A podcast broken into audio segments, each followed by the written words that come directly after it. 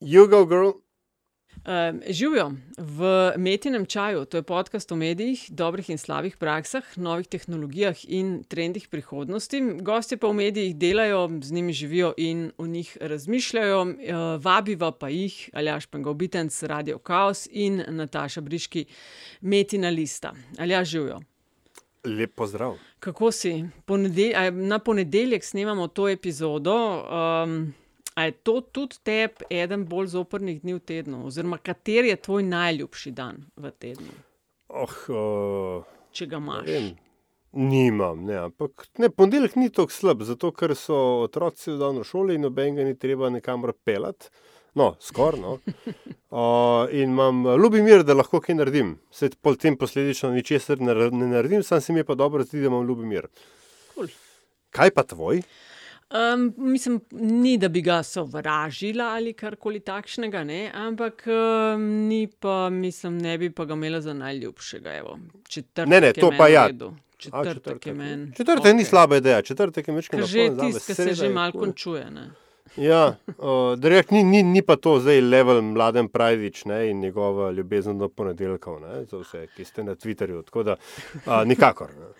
Uh, lej, rekla sem na začetku, ne, to, kar poveva ob vsaki epizodi, da vabiva, rada vabiva goste, ki so m, iz prakse. Ne, čeprav je seveda nujno slišati, uh, kdaj tudi kakšne uh, malo bolj teoretske poglede, ampak. Te, ki imajo pa izkušnje z terena, na terenu, se mi zdi pa neprecenljivo. Sem šla pa zadnjič, to sem se zdaj spomnila, ja, Aljaš, zadnjič sem šla pa mal preštevati, iz katerih medijev sva imela kaj goste. Ne? In tole je zdaj sicer 212. epizoda, ampak gostov, eni so se uh, ponovili, tam nekje okrog 180 sva jih imela, ne? plus. In, Kdo ima a veš, protekcijo? Kdo ima protekcijo? A nima prav, sem mislila, da jih ima ful več iz teh, kot ne vem, tradicionalnih medijev. Pa jih je tam okrog polovice. Pazi to, okrog polovice iz uh, netradicionalnih medijev, iz ne teh klasičnih medijskih imen. Uh, mislim, da sem jih 85 naštela ali nekaj takšnega. No? Pa pol še tako, ene 20 uh, tujinskih ali pa teh, ki delajo za kakšne tuje entitete. Ne? Tako da je na koncu ni bilo tako veliko, seveda največ iz RTV, ampak veš, to je radio, televizija, to je daleč največja hiša pri nas in tako dalje. Ampak lej, več kot pol, ali pa vsaj pol iz vem, manjših medijev. Ampak veš, kaj ti pa jaz povem? Če bi pa midva naredila zdaj nek pameten indeks, ne? recimo število nastopov v metenem čaju na zaposlenega v medijski hiši, bi pa po mojem naša današnja gostja ne? in hiša, iz katere prihaja, bila nadreprezentirana, ker toliko velikih ni. Ne? Um, ne, ne, jih ni tako veliko. To nam je pomagal Slavko enkrat, ne, štec. Ja. Petra so vdat, živeli. Živijo, je to malo nas Tad- pa tudi ni. No.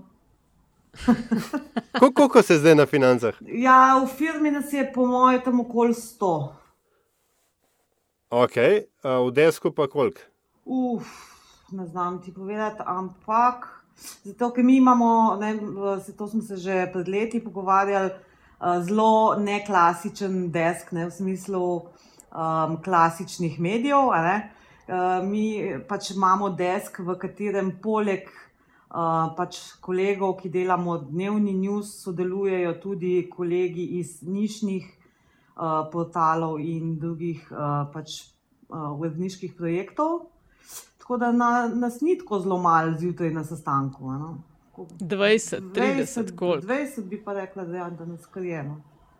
20 na Zoomu bi rekla, ne te dneve, verjetno. A, ne, ne, ali že ne, mi, mi smo v živo in uh, je to toliko boljš, da ne znam povedati, koliko je to boljš. Jaz sem fenica uh, pač dela v živo in brez, uh, mislim, koliko sem pač uh, omrežena in skozi na uh, vse sorte apih in um, gadgetih, uh, sem full fenica komunikacije in interakcije v živo. Mhm. No, preden se čist zakopljemo, uh, bi zalažem rada rekla hvala za deljenje epizode, za ideje, koga in kaj obdelovati v umetnem čaju, in za ocene, ki nam jih dajete v iTunesu, in tudi za podporo res v vseh uh, oblikah. Um, različno ali deljenje epizode, ali kakšni spodbudna sporočila, tudi kakšne kritike, ki so pač nujne, ne? ker je fajn s prstom kdaj pokazati, kaj mogoče ni ok, in tudi za uh, finančen podpor vsebinam, ki jih delamo na metini listi. Tako da to, full, full, hvala.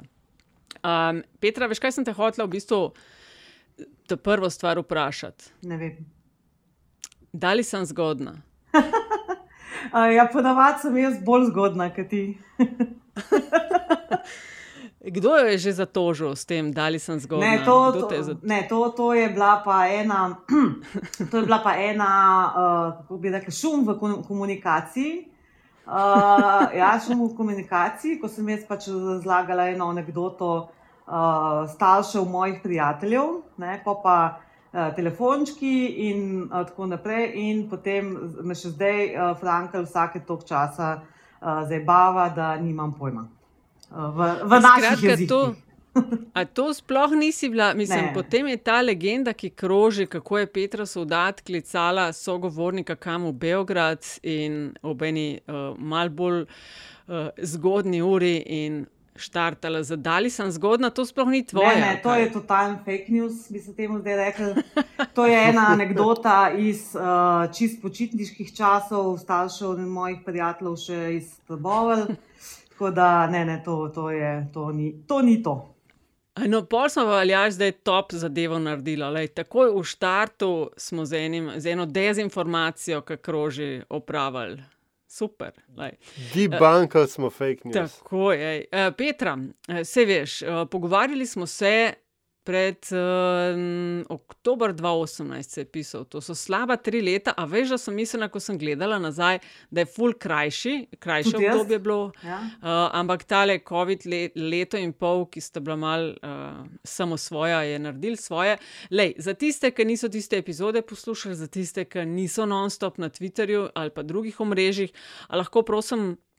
Uh, za začetek samo povzameš tvojo medijsko kariero. Kje si bila, kaj si delala, kaj delaš? No, moja medijska karijera se, eh, če ne štejemo pač tistih poskusov v gimnaziji s šolskim časopisom, pa uh, um, um, lokalnim, uh, mislim, da je bil mesečnik za Savc. Um, pač v, v Savc celoti odvija na časniku finance. Tukaj sem od uh, 4. februarja 2002. Uh, prišla sem še kot uh, absolventka um, politologije, uh, smer analiza politike in javna uprava, in tle še en disclaimer, z Aljažem sva bila sošolca. Jej! Uh, v glavnem, A to je Aljaš, a to je pol, ki ti rečeš v LDGD-ju, uh, politolog v meni, a je to sicer politologinja, je to Petra, ki je pod tebi. Ja, ja uh, mislim, da to je um, kolektivni politolog v meni, ne? ker mi, ta najna generacija je bila kar pestra, celo kakšnega ministra je dala. ne. in zelo aktualnega. Ja. Ok, nadaljuj. In, ja, in z njim recimo, sem imela zelo veliko um, dela v času prvega vala korone. Recimo, ne.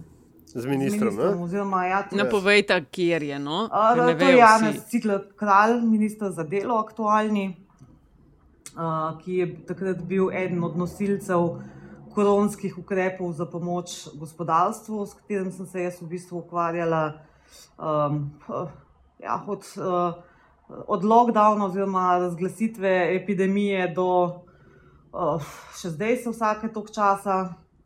Um, tisti, tisti je bilo res divje, ja. tisti spomladanski meseci do poletja, tisto, tisti je bilo kar divje. Ja. Ja, če gledam, veš tvoje članke, to še 11. si objavila na cepljenje, tako da to si še kar globoko v tem vidim. Um, ne, zdaj, zdaj eh, se malo bolj usmerjam bolj na moje stare teme in tle uživam. Jaz pokrivam um, večinoma te večja podjetja, izvoznike, kak škandal, za, za kak uh, cukrček na, na, na torti, ali kako se že reče, češnjo na torti. Pa tako take bo, bozne stvari, to, to mi bolj leži kot, kot, kot ta um, birok, birokracija. No. Moram pa reči, no, da, da, ni bilo, ni bilo, da, da, sem zdaj mogoče malo uh, bila uh, krivična. No. Jaz sem se sicer zelo veliko v času korone uh, bila v stiku z birokrati, skratka s strokovnimi sodelavci posameznih ministrstev, ki so se pa, moram reči, vsaj tisti na Ministrstvu za delo in za um, gospodarstvo. Zelo, res, mislim, da sem bila navdušena nad tem, kako so se odzvali na, na, na to. Na to skratka, jaz sem pač um, pisala o teh koronskih ukrepih uh, in o teh PKP-jih, zdaj pišemo že, ne, mislim, da deveto verzijo. Um, uh -huh. In je to potekalo pač tako, ne, da so pač uh, naši kupci, naši naročniki, pa tudi tisti, ki niso bili naši naročniki, se množično, ampak to res množično, ki je ta zdaj, tudi v sanjah ne bi pričakovala, da se bo kdaj zgodil obračali na mene in na moje pač sodelavke uh, in sodelavce. Uh, in so pač govorili, kaj oni, kakšno pomoč iz prakse oni potrebujejo, da bo kaj koristila. Ne? Birokrati so se pa, oziroma pač ti strokovci po ministrstvih, so se pa na, to, od, na te sugestije večino, večinoma zelo pozitivno odzivali. Seveda so bili omejeni ne, s pač, politiko ne, in z vlado, ki je pač te uh, ukrepe konec koncev potem uh, sprejemala, ali jih pa tudi ni sprejemala. Ne? Ampak tako iz čisto iz praktičnih vidikov, uh, ker pač en podjetnik ne, točno ve, ko prebere tisti člen, ne, v, ali pa vem, 15 alinejo v 27. členu, kako bo to vplivalo na njegov posel, birokraci pa mogoče tega niti ne zna dobro predstavljati. Ne. In tam smo lovili vejce, pa pike, pa podpičja, pa, pa tako naprej. Mislim, ti je bilo res, res fejs divje. No? Ja, lej, sej, o teh stvarih bi rada s tabo tokrat govorila, se pravi, samo medijsko poročanje o tem talanju keša med epidemijo mhm. mačarskem kupovanju. Ne, smo mislili, kako bomo mi za osamosvojitvijo harali. Um, širše izven slovenskih meja, zdaj pa nas kupujejo Hrvati, Srbi, Mačari, skratka, malo o tem uh, in pa o tem strašnem zadolževanju. Ne?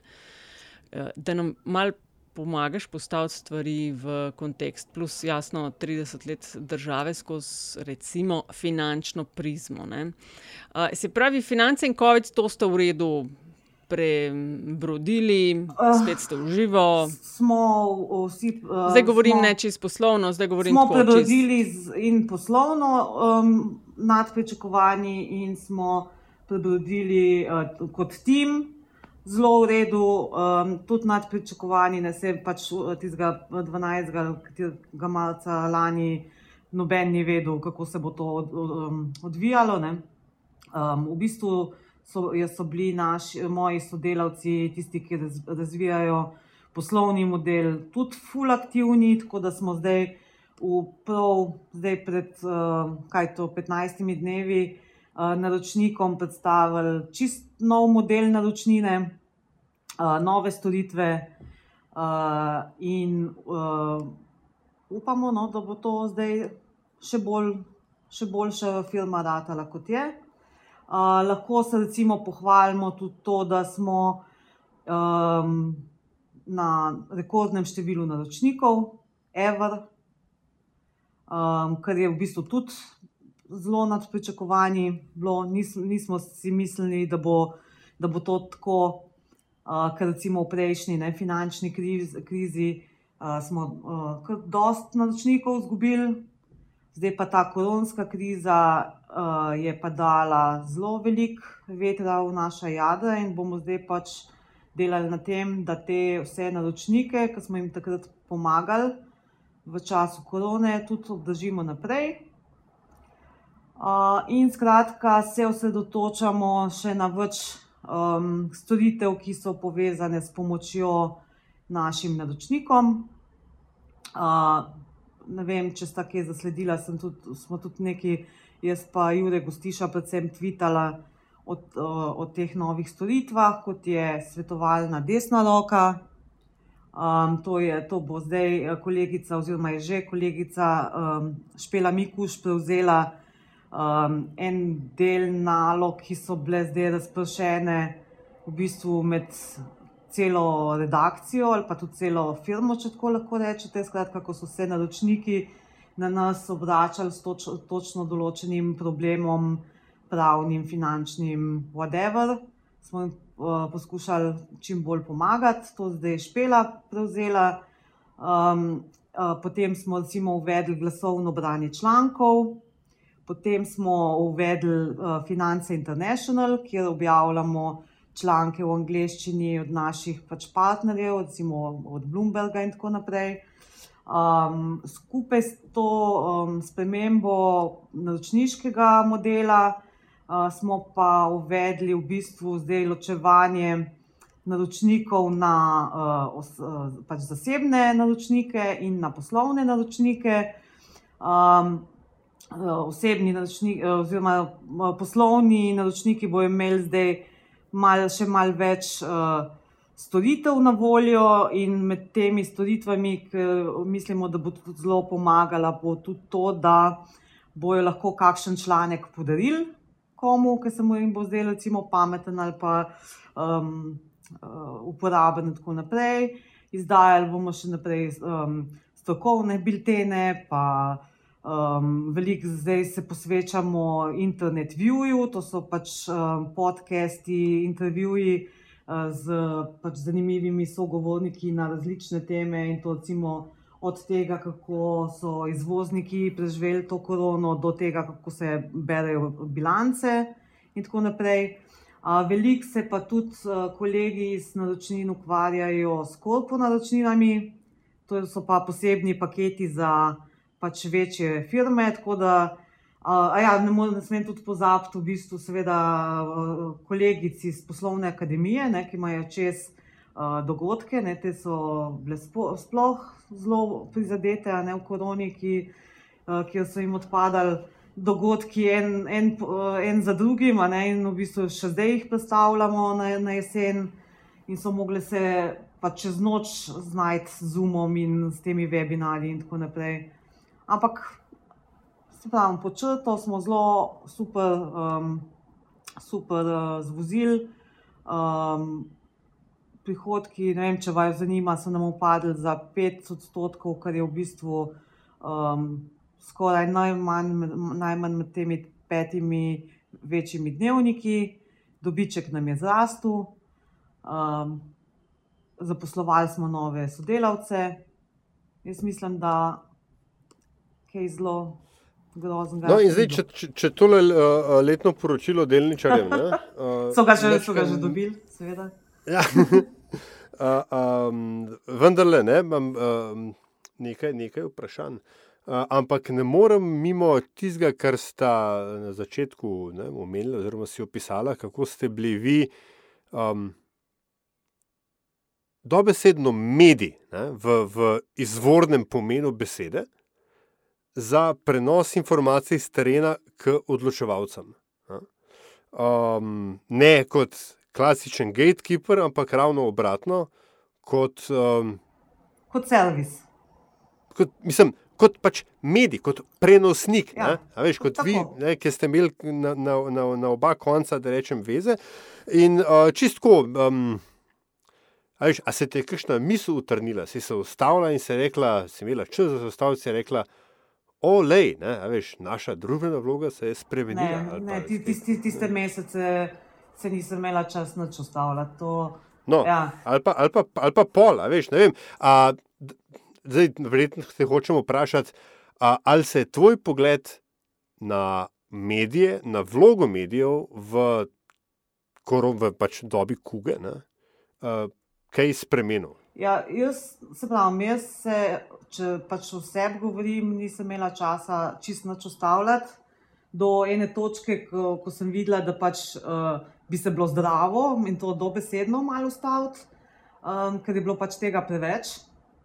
Uh, ampak ne, te, se, uh, jaz pač medije oziroma uh, finance vidim kot servis ne, za naše pač naročnike, naše bralce ne, da jim pomagamo. Ne. Če to pač eh, vključuje tudi to, da njihove težave, ne, ki jih tako, tako smo tudi pred korono reševali ne, in jih tudi zdaj rešujemo, ko pač eh, korona že pojenja, ne, uh, prenesem čim bolj učinkovito in čim hitreje do um, odločevalcev ali pa njihovih, njihovim pomočnikom, je to, to, kar je pač moja vloga. Jaz sem pač ne, takrat dala na stran svoje običajne, običajne teme, ne, ki sem jih že prej omenjala, in se pač osredotočila na to. In se mi zdi, da sem bila v tistem momentu absolutno bolj koristna za uh, naše bralce. In tudi v tistem momentu smo mi dobili veliko novih naročnikov, ker so pogrešali ne, te informacije, ne, kako preživeti to, to kugo. Uh, in jaz v bistvu sem se bolj začudila, da te um, priložnosti niso pograbili tudi drugi mediji. Dobro, recimo, da rečem, da, da, ste bili, da, da ste imeli vi dovolj kilometrine ne, kot kolektiv na, na rečem, tem gospodarskem, podjetniškem področju, ne, da ste bili mogoče bolj pozicionirani.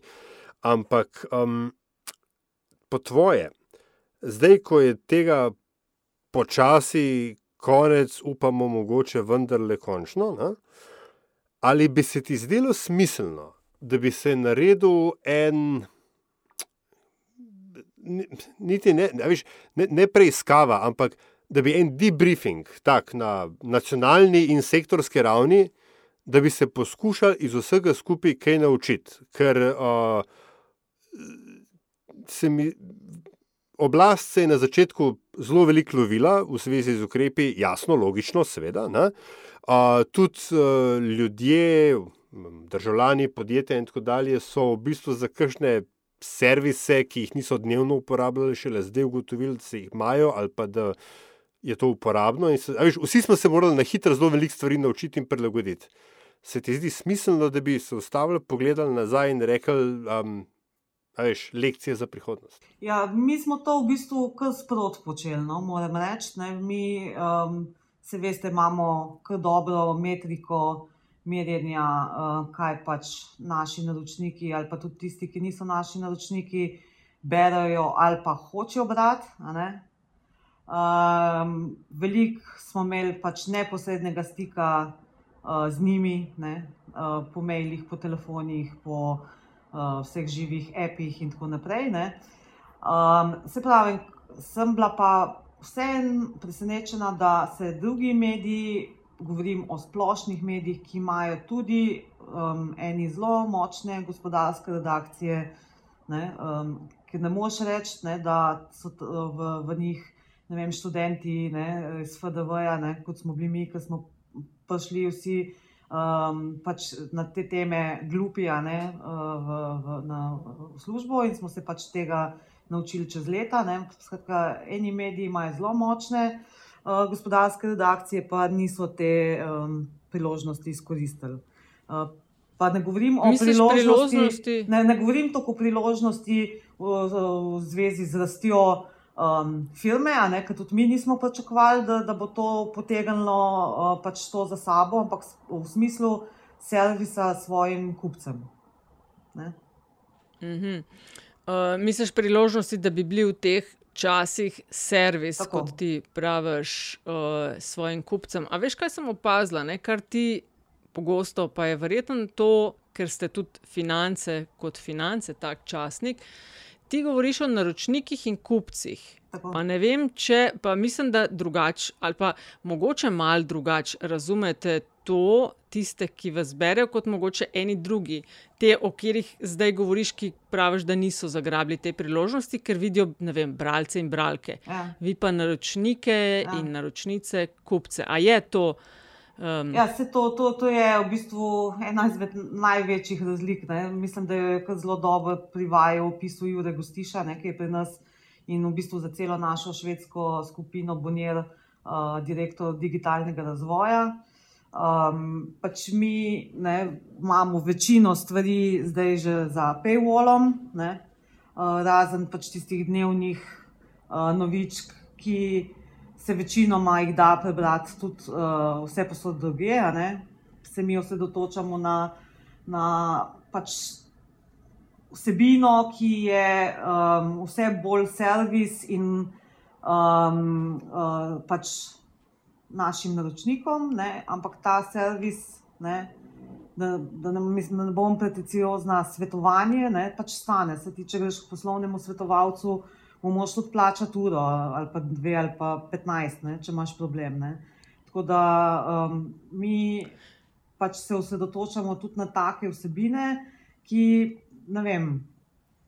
Uh, naročniku uh, uh, uspejo znižati stroške, rešijo problem, ki ga prej sam ni znal, ker mi se pač res potrudimo, da najdemo sogovornike. Ne, ker, ne, če če ne vem, nek podjetnik, bralec ali pa fizična oseba misli, da je edin na svetu s tem problemom, ponavadi se izkaže, da ni.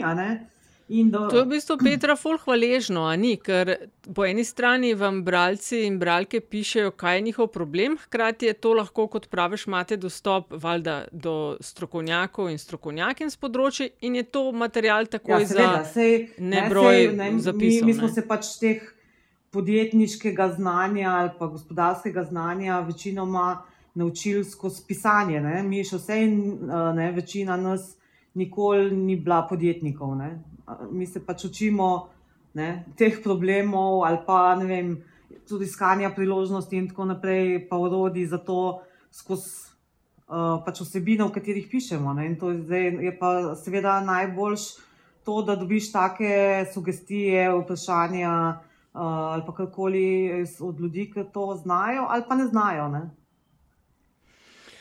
Ampak se da tisto, kar so v glavnem ljudje sprašvali vas, pa vam pisali, tako, ne vem, v ene tri večje skupine dati. Kaj je ljudi najbolj begal, najbolj skrbel, najbolj težil v tem ja, zadnjem letu in pol?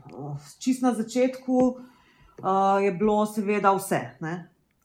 Smo pač, uh, ne smo, ne? pač vlada je štartala iz nule, tako pač pri vodenju države, kot pri handlanju epidemije, kaj šele gospodarske krize.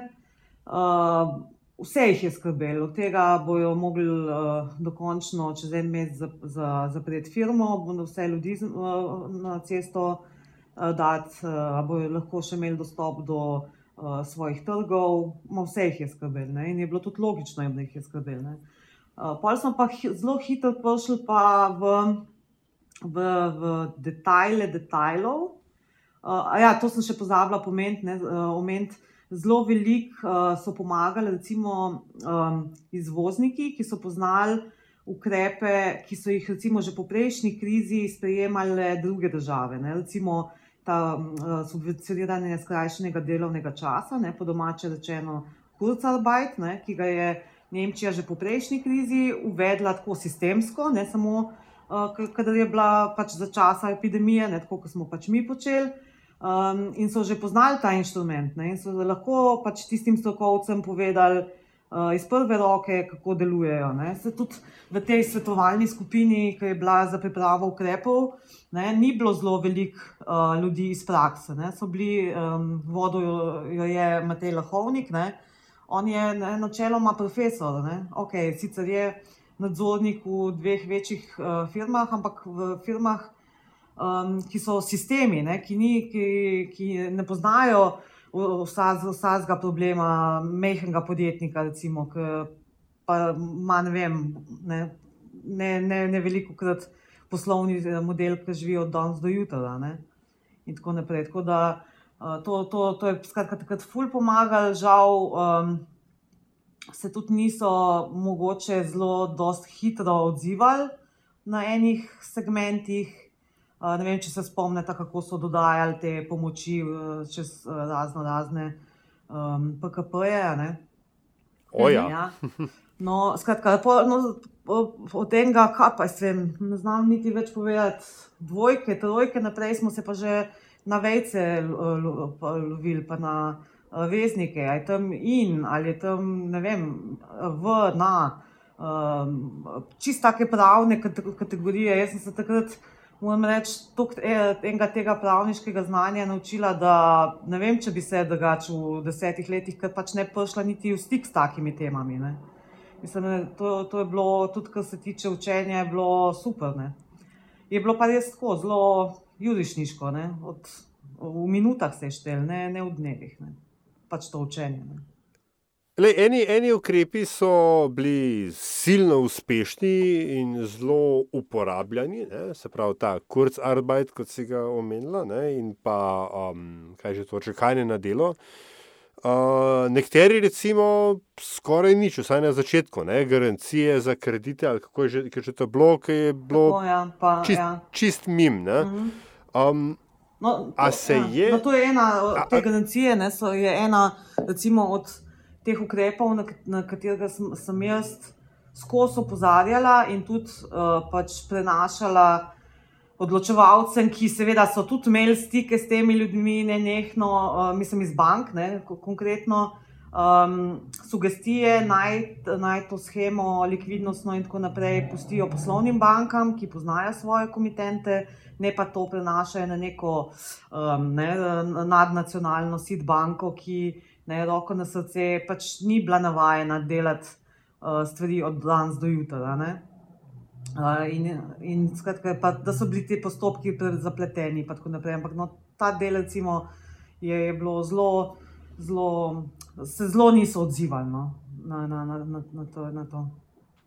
No, tu recimo, ne, to se spet navezuje na vprašanje, veš, ali smo se kaj naučili. A bo kaj od tega ostalo kot recimo temu sistemski ukrep, v, kot, ne vem, da, da imaš kot podjetje pa vnaprej to opcijo. Sicer ne, ne računam zdaj, da bo država vsakmu polovični delovni čas financirala, ker to seveda ne bi bilo smiselno, ampak um, ta. Um, Ja, jaz, jaz, bi se temu rekli fleks, fleksibilnost ali pa veš, nekaj, ta hi- hitrost, ne vem, možnost odločanja med scenariji in tako dalje. Jaz se bojim, da zelo, mislim, da okay, kaj bo, da ne bom krivična. Ne, recimo, zelo se je ponastavilo delo od doma, ne, na to, kar smo recimo mi prej leta opozarjali, ne, koliko je ene birokracije za to, ti, uh, lahko, da ti lahko ponudiš zaposlenemu. Ne, ki ne rabi biti tam v prostoru, kjer se odvija sicer ne, dejavnost, uh, dela od doma, ne vem, ali je bolj kreativen ali je bolj si zna drugače pač organizirati svoje delo.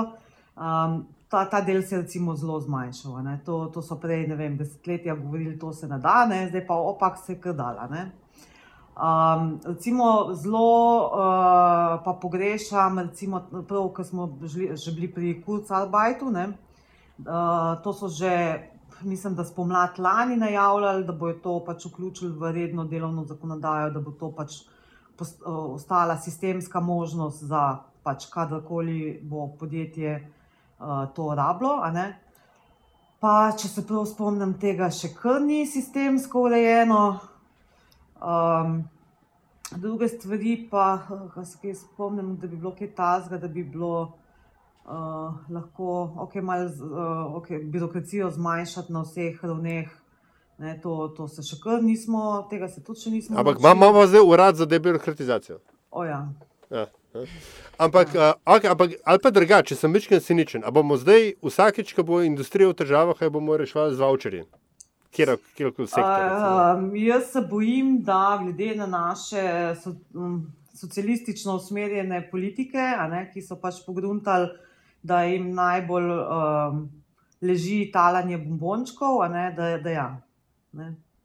In tudi, Kaj ti razumeš? Ja, ja, izvoli. in tudi um, glede na, uh, ne, ne, ne samo pač na politike, pač v naši vladi, ne, tudi uh, malo gledamo že po strani ECB, recimo, ne, ki še kar uh, pač spodbuja tiskanje denarja, medtem ko se že uh, inflacija, ki jo uradno sploh ne zmerijo, ampak jo uh, pač vsi že zaznavajo, ne, od proizvajalcev ne, do uh, do ne nazadnje tudi že končnih uh, kupcev. Ne.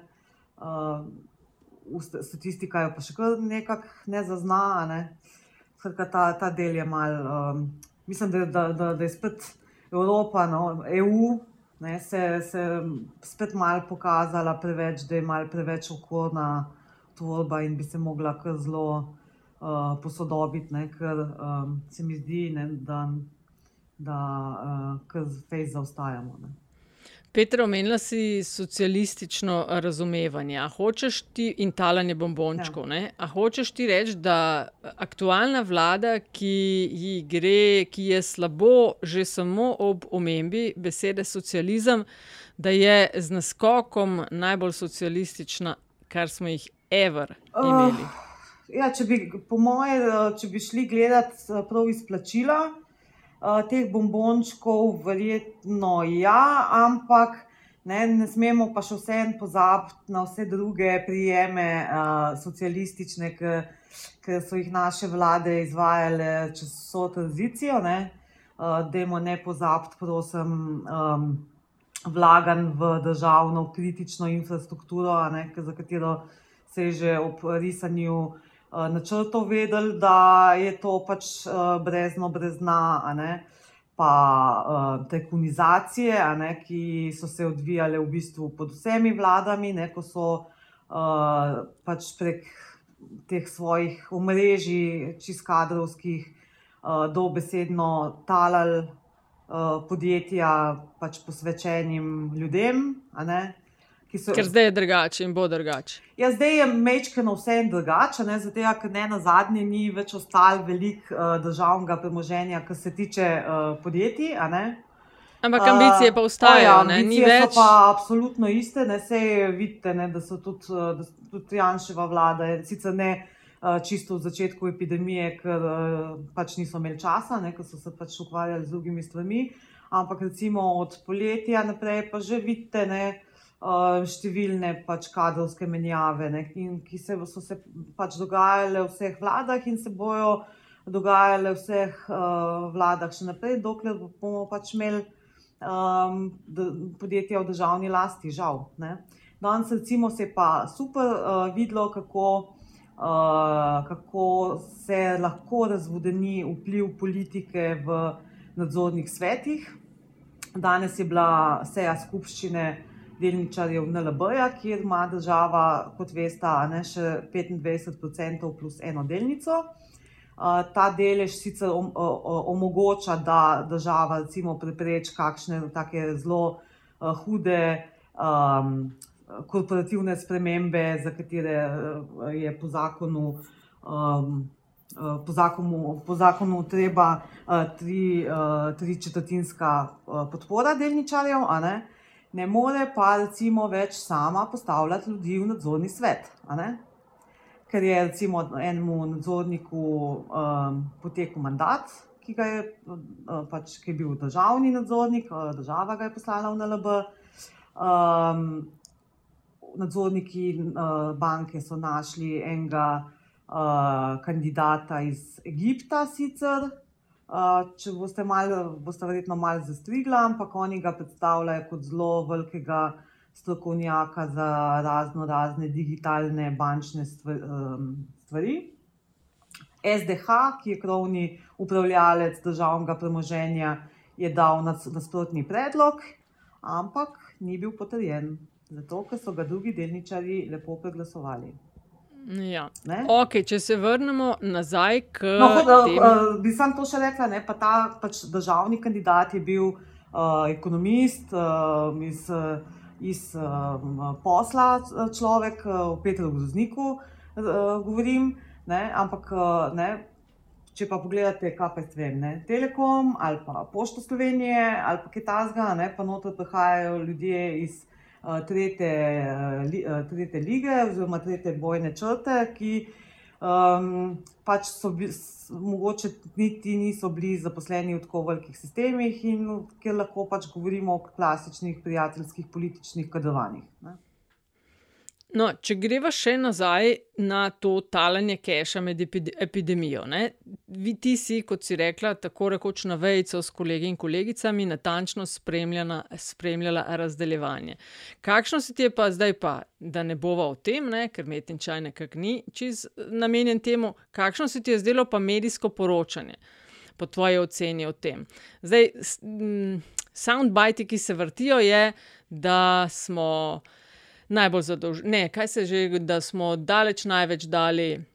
No, se, se, ja, se lahko, danes je bila uh, ravno uh, frišna ocena fiskalnega sveta, ne, ki je nek organ, ki naj bi bedel nad zdržnostjo javnih financ, pa v bistvu nima kakšne zelo velike moči, razen pač da objavlja ta svoja poročila.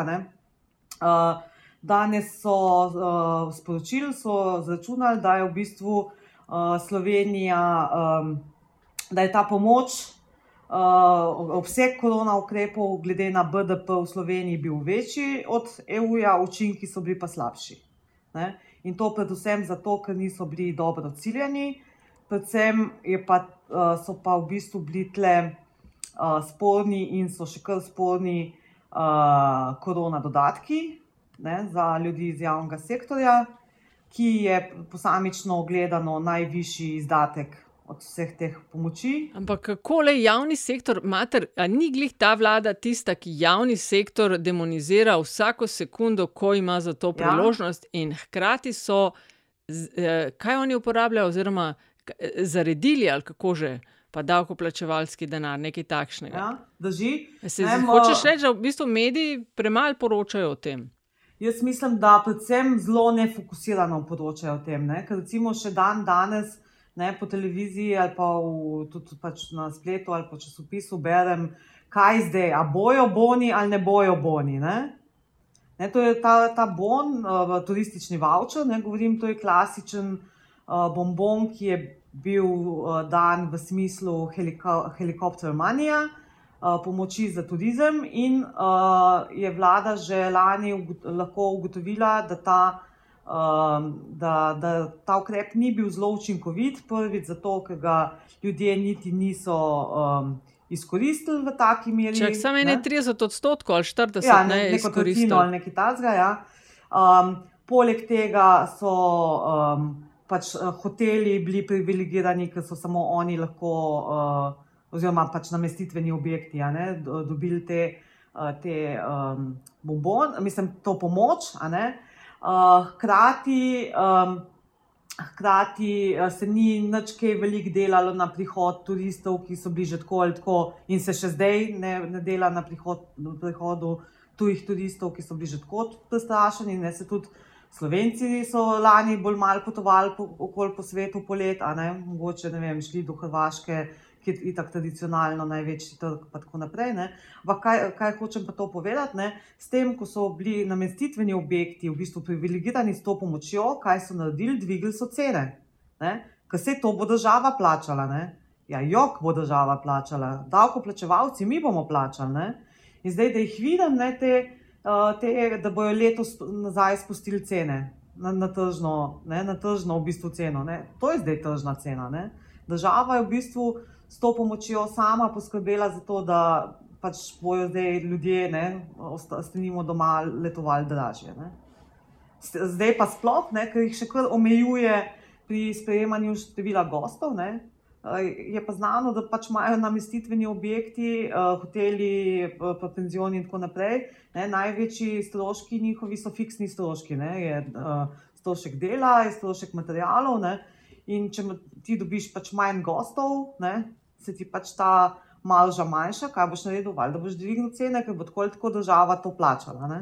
No, ne, iz, dav, ne. iz našega, ne, naših ja. no, ampak skratka, jaz, jaz recimo v medijih ne, še, še, ve, še kar poslušam o, z navdušenjem o teh bonih.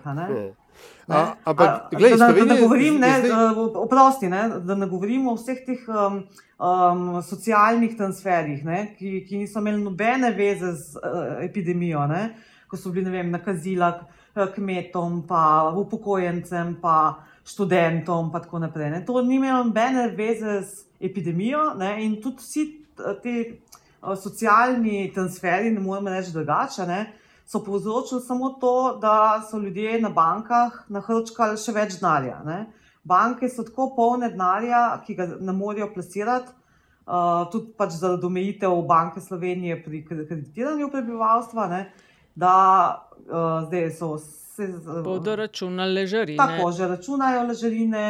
Uh, uvajajo druge stroške, ne vem, ki jih prej nismo nikoli plačevali. Ne? To so temu se reče uh, neobrestni prihodki, ne, ki deloma zdaj rešujejo v bankah dobiček, ki bi ga sicer naredili s tem, da bi dal posojilo in zaslužili kaj z obrestmi, ne, ki so pa tudi še kar rekordno nizke. Ne. Skratka, prišli smo do tega, da smo bili Slovenci lani, to vam je zelo všeč, bolj valčni kot švabske gospodinje. Kako že 22 milijard ne, ne bi bilo uh, parkiranih v Bavlu. Ne, ne, že več, že več, že čez 23. Ja. Ej, glej, ne, oprosti, Nataša, ampak um, uh, to sem hotel vprašati. Slovenija je zdaj v čudni poziciji, ne, kjer so stranke, verjetno tudi zaradi objektivnih razlogov, ne, ampak vendarle vladajoče koalicije, ki so bile še pred nedavnim veljale za, kaj se temu reče, proračunske jastrebe. Ne. Ljudje, pač stranke, ki so njihovi voditelji, ki so radi rekli, da uh, mora biti, kako že javni sektor, mora imeti zgolj 45 odstotkov BDP-ja, ker to je, um, to je idealno, ne, to je optimalno. Skratka, in, in, um, uh, proračun mora biti ravnotežen, fiskalni svet, to, kar oni povejo, je uh, suho zlato in tako dalje. In tako dalje. Zdaj pač ta deficit je tudi v Sloveniji, seveda, tako kot drugod po, po, po Evropi in po svetu, je, je se je napihnil. Ne? Po drugi strani imamo pa zdaj uh, stranke opozicije, ki so pa v prejšnji krizi deloma, tudi zaradi objektivnih razlogov, napihnile ta, ta deficit. Ne? Ki pa zdaj na vse glas opozarjajo, da kaj se dogaja, kaj se vendar dogaja z deficitom. Meni je seveda jasno, da vsi večkrat manipulirajo glede na situacijo. Absolutno. Ampak ali je v trenutni politični schemi ali pa ja, družbeni, javni, kdo, ki lahko, ki ima nek, kako bi temu rekel, legitimen glas ali obstaja legitimen glas pri ocenjevanju um, družbeno-ekonomske situacije? V državnem zboru, v, v politiki, tako, v obče v politiki. Jaz, jaz tega glasu ne vidim, ker uh, kljub temu, da ne nehno mi govorimo o nekih novih obrazih in tako naprej, ne, so zdaj v aktualni sestavi um, sami že stari obrazi, uh, sami uh, uh, obrazi, ki so delali enako ali pa podobno, ne pač te epidemije, ta, ta del, ki je bila nujna pomoč, to, to seveda izključimo. Vse ostalo je pa uh, pač samo odraz tega, ne, da je pač full simple to govoriti, ko si v opoziciji. Čeprav moram pa reči, ne, da se mi zdi neizmerno luškana, ker vidim recimo um, poslance iz um, socialdemokracije govoriti o o skrbi vzdržnosti proračuna, ne, to, to, to je meni tako prav luška na res. Uh, drugače pa ne, ne. Mislim, ni, ni, ni kredibilnosti tle na, na nobeni strani. Prej si govorila, Petra, o tem, kako smo nahrčkali denar. Če te prav razumem iz opisa, kaj ste počeli med epidemijo in servisirali naročnike in naročnice, ali bi to pol pomenilo, recimo, da so vas, se na vas obračali tudi po, recimo, ne vem, imam toliko in toliko denarja, kaj vi na financah svetujete, da z njim naredim, da ga ne bom imel na banki in plačeval ležarino. Ja, ja, to, to, to, to, to vrstni na svet. To se še zdaj ja. prav, zdaj imamo. V teh dneh smo uh, objavili en zelo uredu članek, uh, kam z denarjem, če vas je strah inflacije. Ne? Ker jaz ne vem, uh, koliko je še ljudi, ki se spomnijo, recimo, hiperinflacije iz um, 80-ih, Uh, in kako uh, si v bistvu danes imel plačo, jutri pa nisi imel več, ker ti je inflacija požrla. Ne? Ampak tudi zdaj te uh, stopnje inflacije, o katerih pač zdaj govorimo, ali je to 2 odstotka, 4 odstotke, um, ali pa še celo mogoče več, uh, pač pomenijo, da boš ti, če boš imel pač. Um, uh, prihranke na banki, ne, ne pa v neki, dolo, um, neki um, uh, naložbi, ki ti lahko ustvari donos, um, pač boš zgubljal denar. Skratka, ne boš ga zapravil za obleke, ne boš ga. Um, Uh, ne boš mogel iti z njim uh, v diskoteko, in tako ne smemo iti, ker uh, so zaprte, recimo na večerjo ali pa whatever. Ne, skratka, ne boš mogel ti potrošiti tega uh, denarja, ampak bo, ga, bo, pač ga ne bo več, ne? ga bo inflacija požrla. Okay, skratka, ja. to so te praktična vprašanja, na katera so se, uh, v zvezi s katerimi so se na vas obračale bralke, naročniki in tako dalje. Ok, ker pa naj Aljaš bo počasi čas začel. ja, ampak no, okay, demo, demo še to. Se, uh, uh, še, Še dve, ja, Ja. ne, se ne bi še končala. Ne, se še ne bi, ampak, ampak uh, uh, Mačari. Mačari. Ja, dej, Ja. to, to. Um, uh, po eni strani uh, je že z nastopom Janševe vlade in seveda do vsem tiska se predogajali pač ta politična povezava med uh, Janšo in Orbanom in vsemi temi ljudmi v Orbanovem. Uh, Orbanovi orbiti, pa Planet TV, pa Nova 40, skratka, da ne, se vsi vemo, o čem se govorimo. Sploh, ja, Tako. se sploh ne vprašati. Tako, ne. ampak, ja. Ja. zdaj, ampak zdaj ne, se pa dogajajo resni gospodarski prevzemi. Ne uh, pač um, prijatelju pomagamo, da mu medijska firma ne propade. Ne? Ja, seveda, zato ker pač ima Janša zdaj v tem trenutku vzvode moči ne, do tega pač v svojih rokah. Ne. Okay, a, ti- Mim ti- grede, Ja, en, en, ja. en, en medklic, ne, medklic, ena izmed najpomembnejših um, gospoda, državno-gospodarskih korporativnih stvari se dogaja strani države ne, in to je nacionalizacija turističnih firm. Ne. No, to, to sem tudi hočel, Ja, ker smo pri pr, pr bonih bili. Koliko je, um, po tvoji oceni, eh, kar se tiče mm, pač turizma, te teze, da se počevalšku v resnici um, dela usluga? Ja, da je to absolutno se, pač to je eh, počevalškova cena, a ne bila turistični holding. Ne, turistični holding se dela zato, da se bo pač nadzoroval denarni tok, ne, da se bo uh, ne samo nad, kot se že prej rekla, ne, pač, um, državnih podjetij, uh, predvsem manj, kot jih je bilo pred desetletjem. a Ne, Um, ne, uh, predvsem je pa tle ključna ne samo toliko prevzemanje teh podjetij, ne, kot pač uh, kupovanje delnic, ne, ampak to, da te turistične kapacitete, velike, večinoma potrebujejo zelo velika vlaganja ne, v prenove. Po enih zelo konzervativnih ocenah je tega za 200 milijonov evrov, uh, jaz bi pa rekla, da še precej več. Um, to pa ne vem, um, če poznate eno anegdoto iz, um, oziroma to sploh ni anegdota, ampak to je, bilo, to je res bilo, ko je Istrabenz pod časom, uh, za časa Igorja Bavčarja pre- prenavljal stari hotel Palas, ne, to, kar je zdaj danes Kempinski.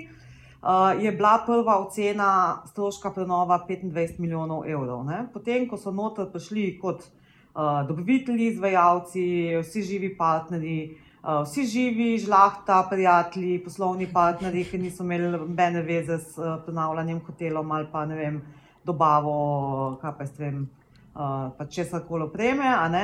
Uh, je ta um, prenova narasla na čez 100 milijonov evrov. Ne? Uh, ok, neki sicer lahko damo za nepredvidena ne, eh, gradbena dela. Ne? Uh, ne, je pa šlo kar nekaj um, teh pač provizij za usluge čez take stvari. ne. In to se jaz pač bojim, da bo po um, um, turističnem holdingu to šlo čisto enako. Ne rabiš se, po mojem, bat, ker vedno gre čez. Ja, nekaj smo se, pa, tudi, nekaj smo se pa vsaj mi naučili v tej tranziciji. No, in zdaj, ki si že Istra Benz omedla, ne, se naredimo ovink do OMV-ja in zdaj do um, mačarskega, uh, um, pozabil sem, kako se mu reče, ki je pač to Mol. kupil, ne, tako zdaj Ja. te uh, uh, benze. Skratka, ali je za temi nakupi in prevzemi je legitimen gospodarski interes, ali gre za stegovanje mačarskih lovk po slovenskih regulih? seveda je. ne. Uh, mislim, uh, to, to je treba malo mal drugače. No, evo, sej, zato, zato si pa ti tukaj. Ja. Biznis je zelo pragmatična žival. Um, recimo, če smo pri uh, OTP banki, ne, ki je kupila najprej SKB banko, zdaj pa bo prevzela še NKBM uh, plus A banko združeno, um, je pod vodstvom uh, najbogatejšega Mačara, uh, piše se Čani, ne, Šandor Čani. Ne, on je Budimpeštanc. ne. Uh, Bu- Budimpešta, vsi vemo, da je rdeča, da bolj rdeča ne more biti. ne. Uh, Orban v Budimpešti ne, dobi, uh, ma- če malo karikiram, pet glasov. ne.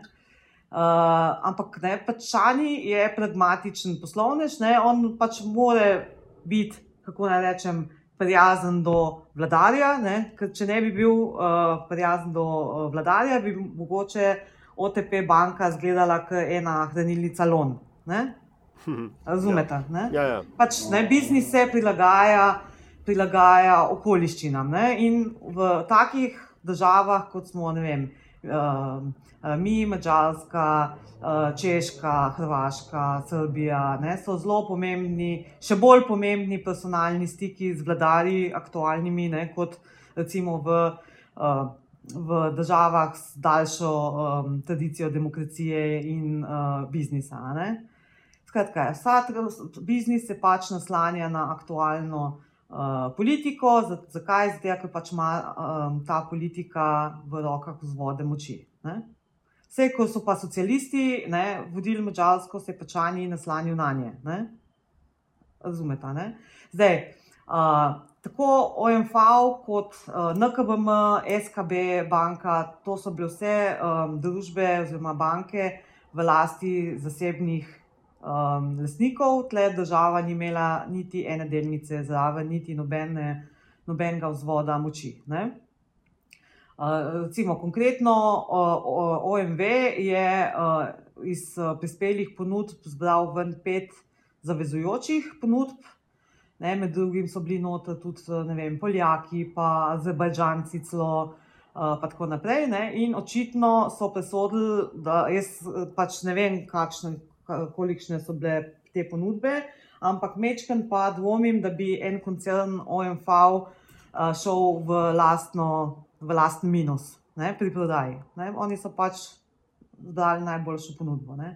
Isto mal dvomim, da bi uh, francoska Societe Generale uh, prav, um, prav hotla prodati SKB banko OTP-ju, ampak OTP je pač imel uh, svojim tudi finančnim vzvodom dost uh, uh, veliko možnost se širiti v regiji in Slovenija je bila ena izmed redkih list, ki jih še ni imel pokritih in je logično, da so gledali, kaj bi lahko tle kupili in so dali najvišjo, najvišjo ceno um, uh, Societe Generale. S tem, da moram tle še povedati to, ne, da prodaje zasebnih podjetij, ne, če recimo, um, recimo NKBM konkretno, ne, mi smo bili navajeni čez tranzicijo, ko je država prodajala podjetja, več ali manj gledati javne tenderje in tako naprej.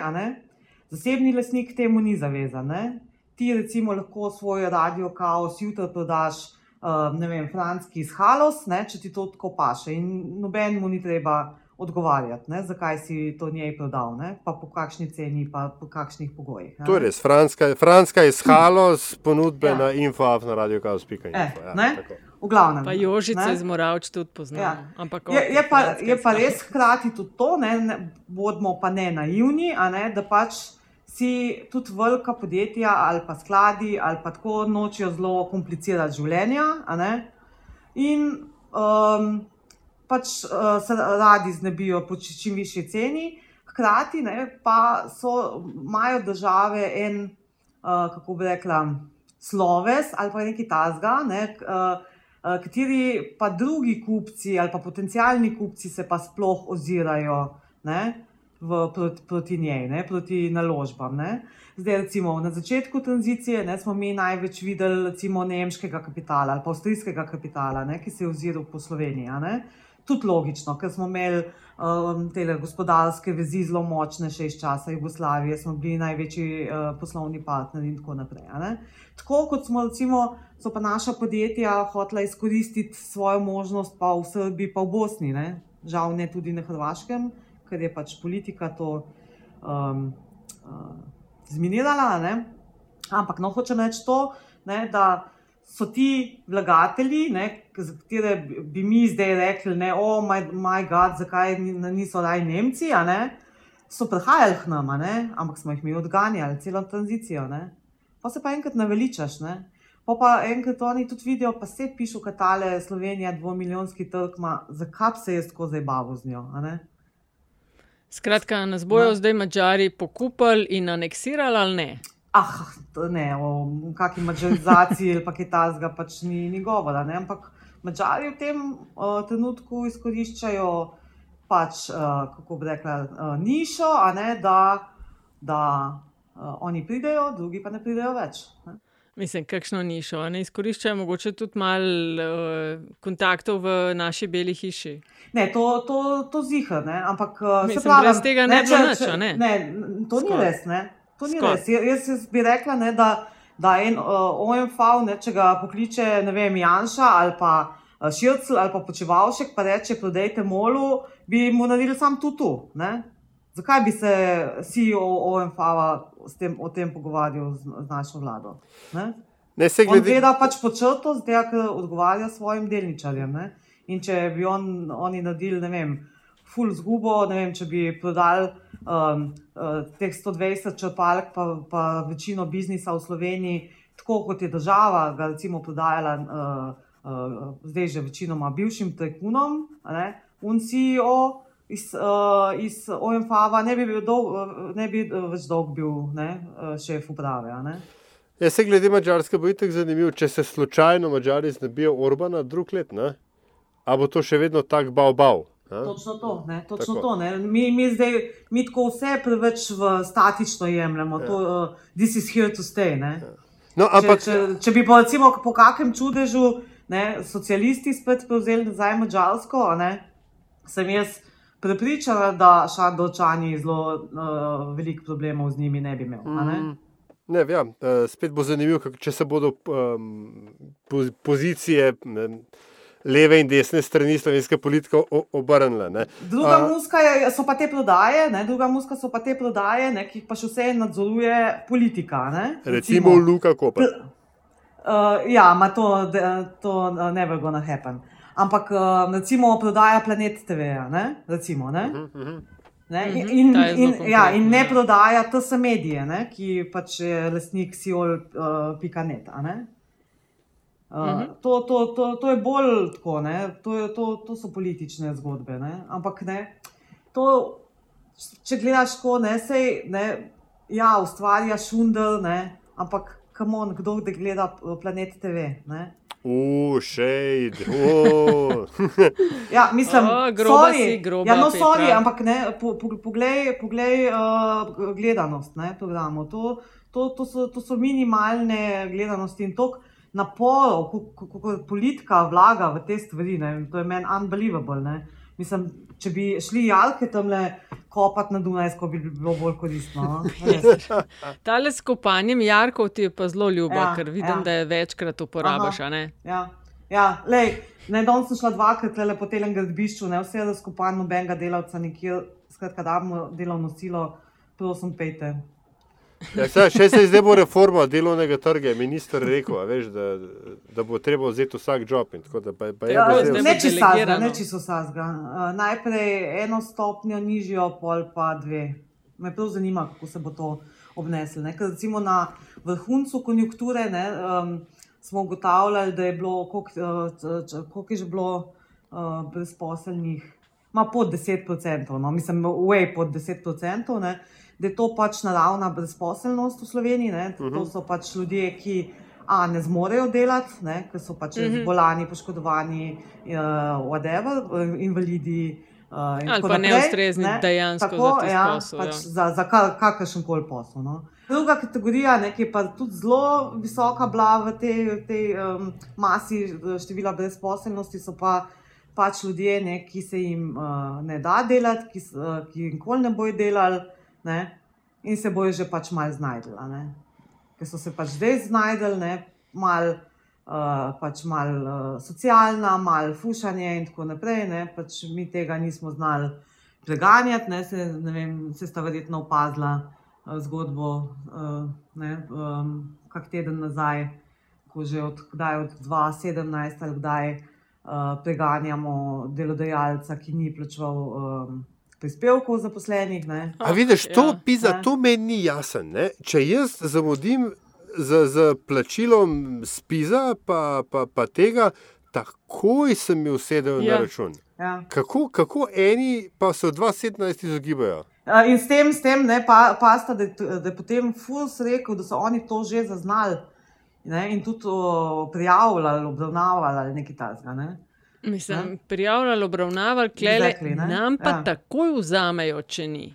Se, se to ne, vse pravim, s takimi stvarmi ne, bi se mogli. Mi smo, ne, še enkrat, mi smo dvomilijonski narod, ne, zakomplicirali smo si life ne, s, z vsemi postopki do nezavesti, ne, a hkrati postajajo take ne, sistemske črne luknje, ne, ker so ljudje dobesedno leta ukradeni, pa se, nobe, pa se nobenemu ne zgodi nič. Ne, ne, se, ne, ne dvomim, ne, da tudi.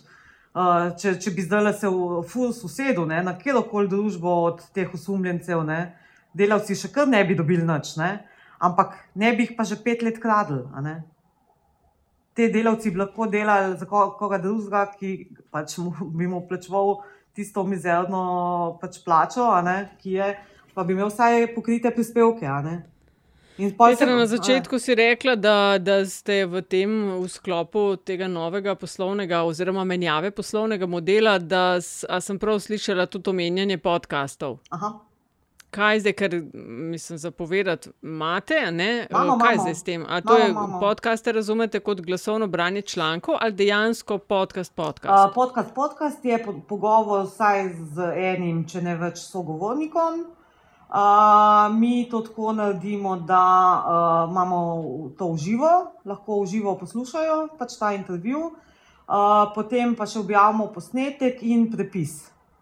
Ne, ker se valjda zavedamo, da a, ljudje nimajo časa, ne vem, ob torkih, ob desetih, eno uro si vzeti pa poslušati uh, podcastov. Uh, drugo je, malo mal smo vsi že naveličenih teh zoomov, pa tako naprej. In ne, pač to mora nek ostati sledljiv, da takrat, ko, ko pa prideš malo k sebi, pa rečeš, ajde, zdaj pa bom. ne, Uh, bom- V bistvu pa naredite okroglo mizo, Ja. pa je pol pretvorite v avdio, gor, da je ne, na voljo ne, kot ni, ni, ni podcast. nujno, ni nujno okrogla miza. Mislim, da, da, s, da je bilo največ, no, da sem imela tri sogovornike, jaz, uh, večinoma je pa kar z enim do dvema, no, ker to je tudi mm. -hmm. malo težko handlati, ne, pač to glasov naenkrat. Ja, ne. ja. Petra, 30 let države skozi finančno prizmo, to rabimo pa novo epizodo, aljaš.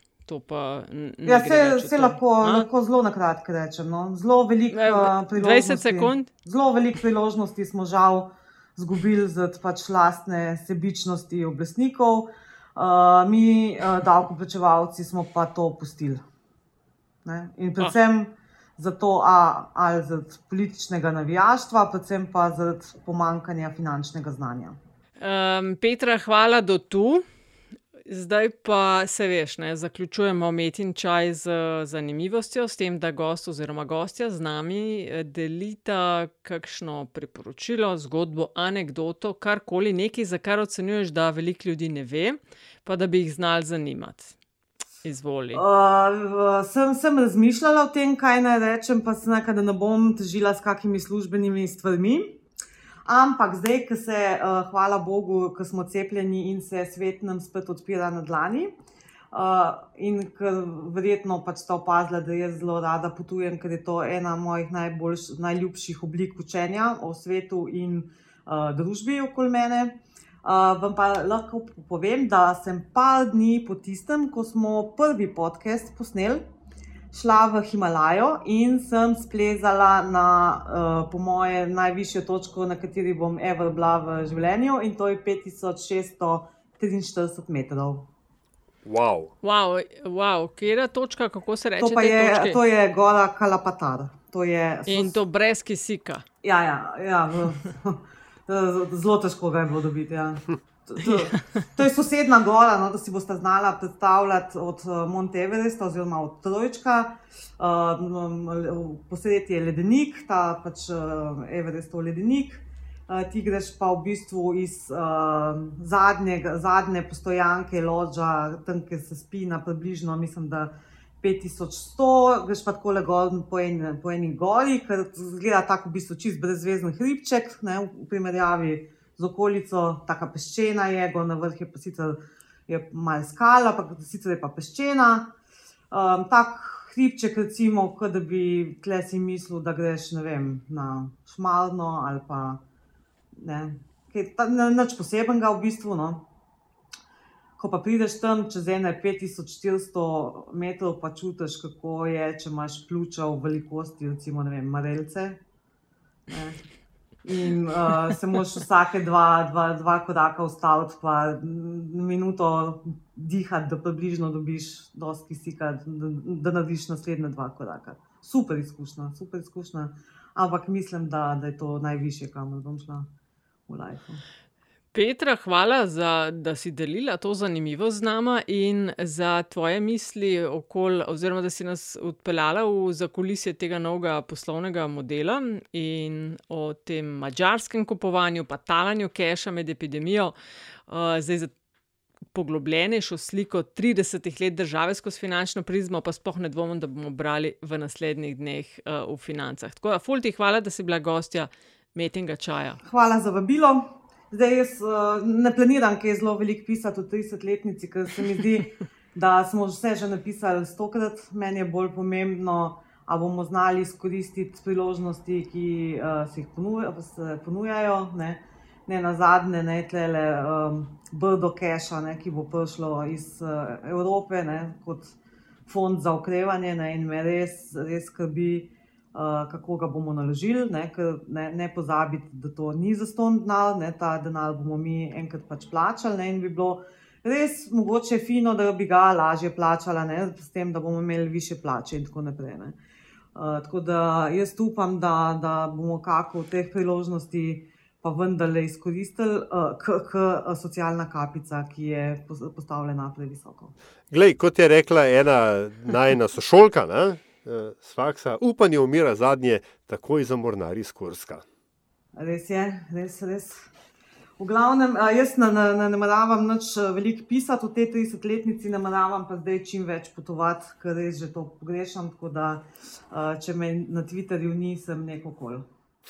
Petra, hvala, ker si si vzela čas. Hvala vama.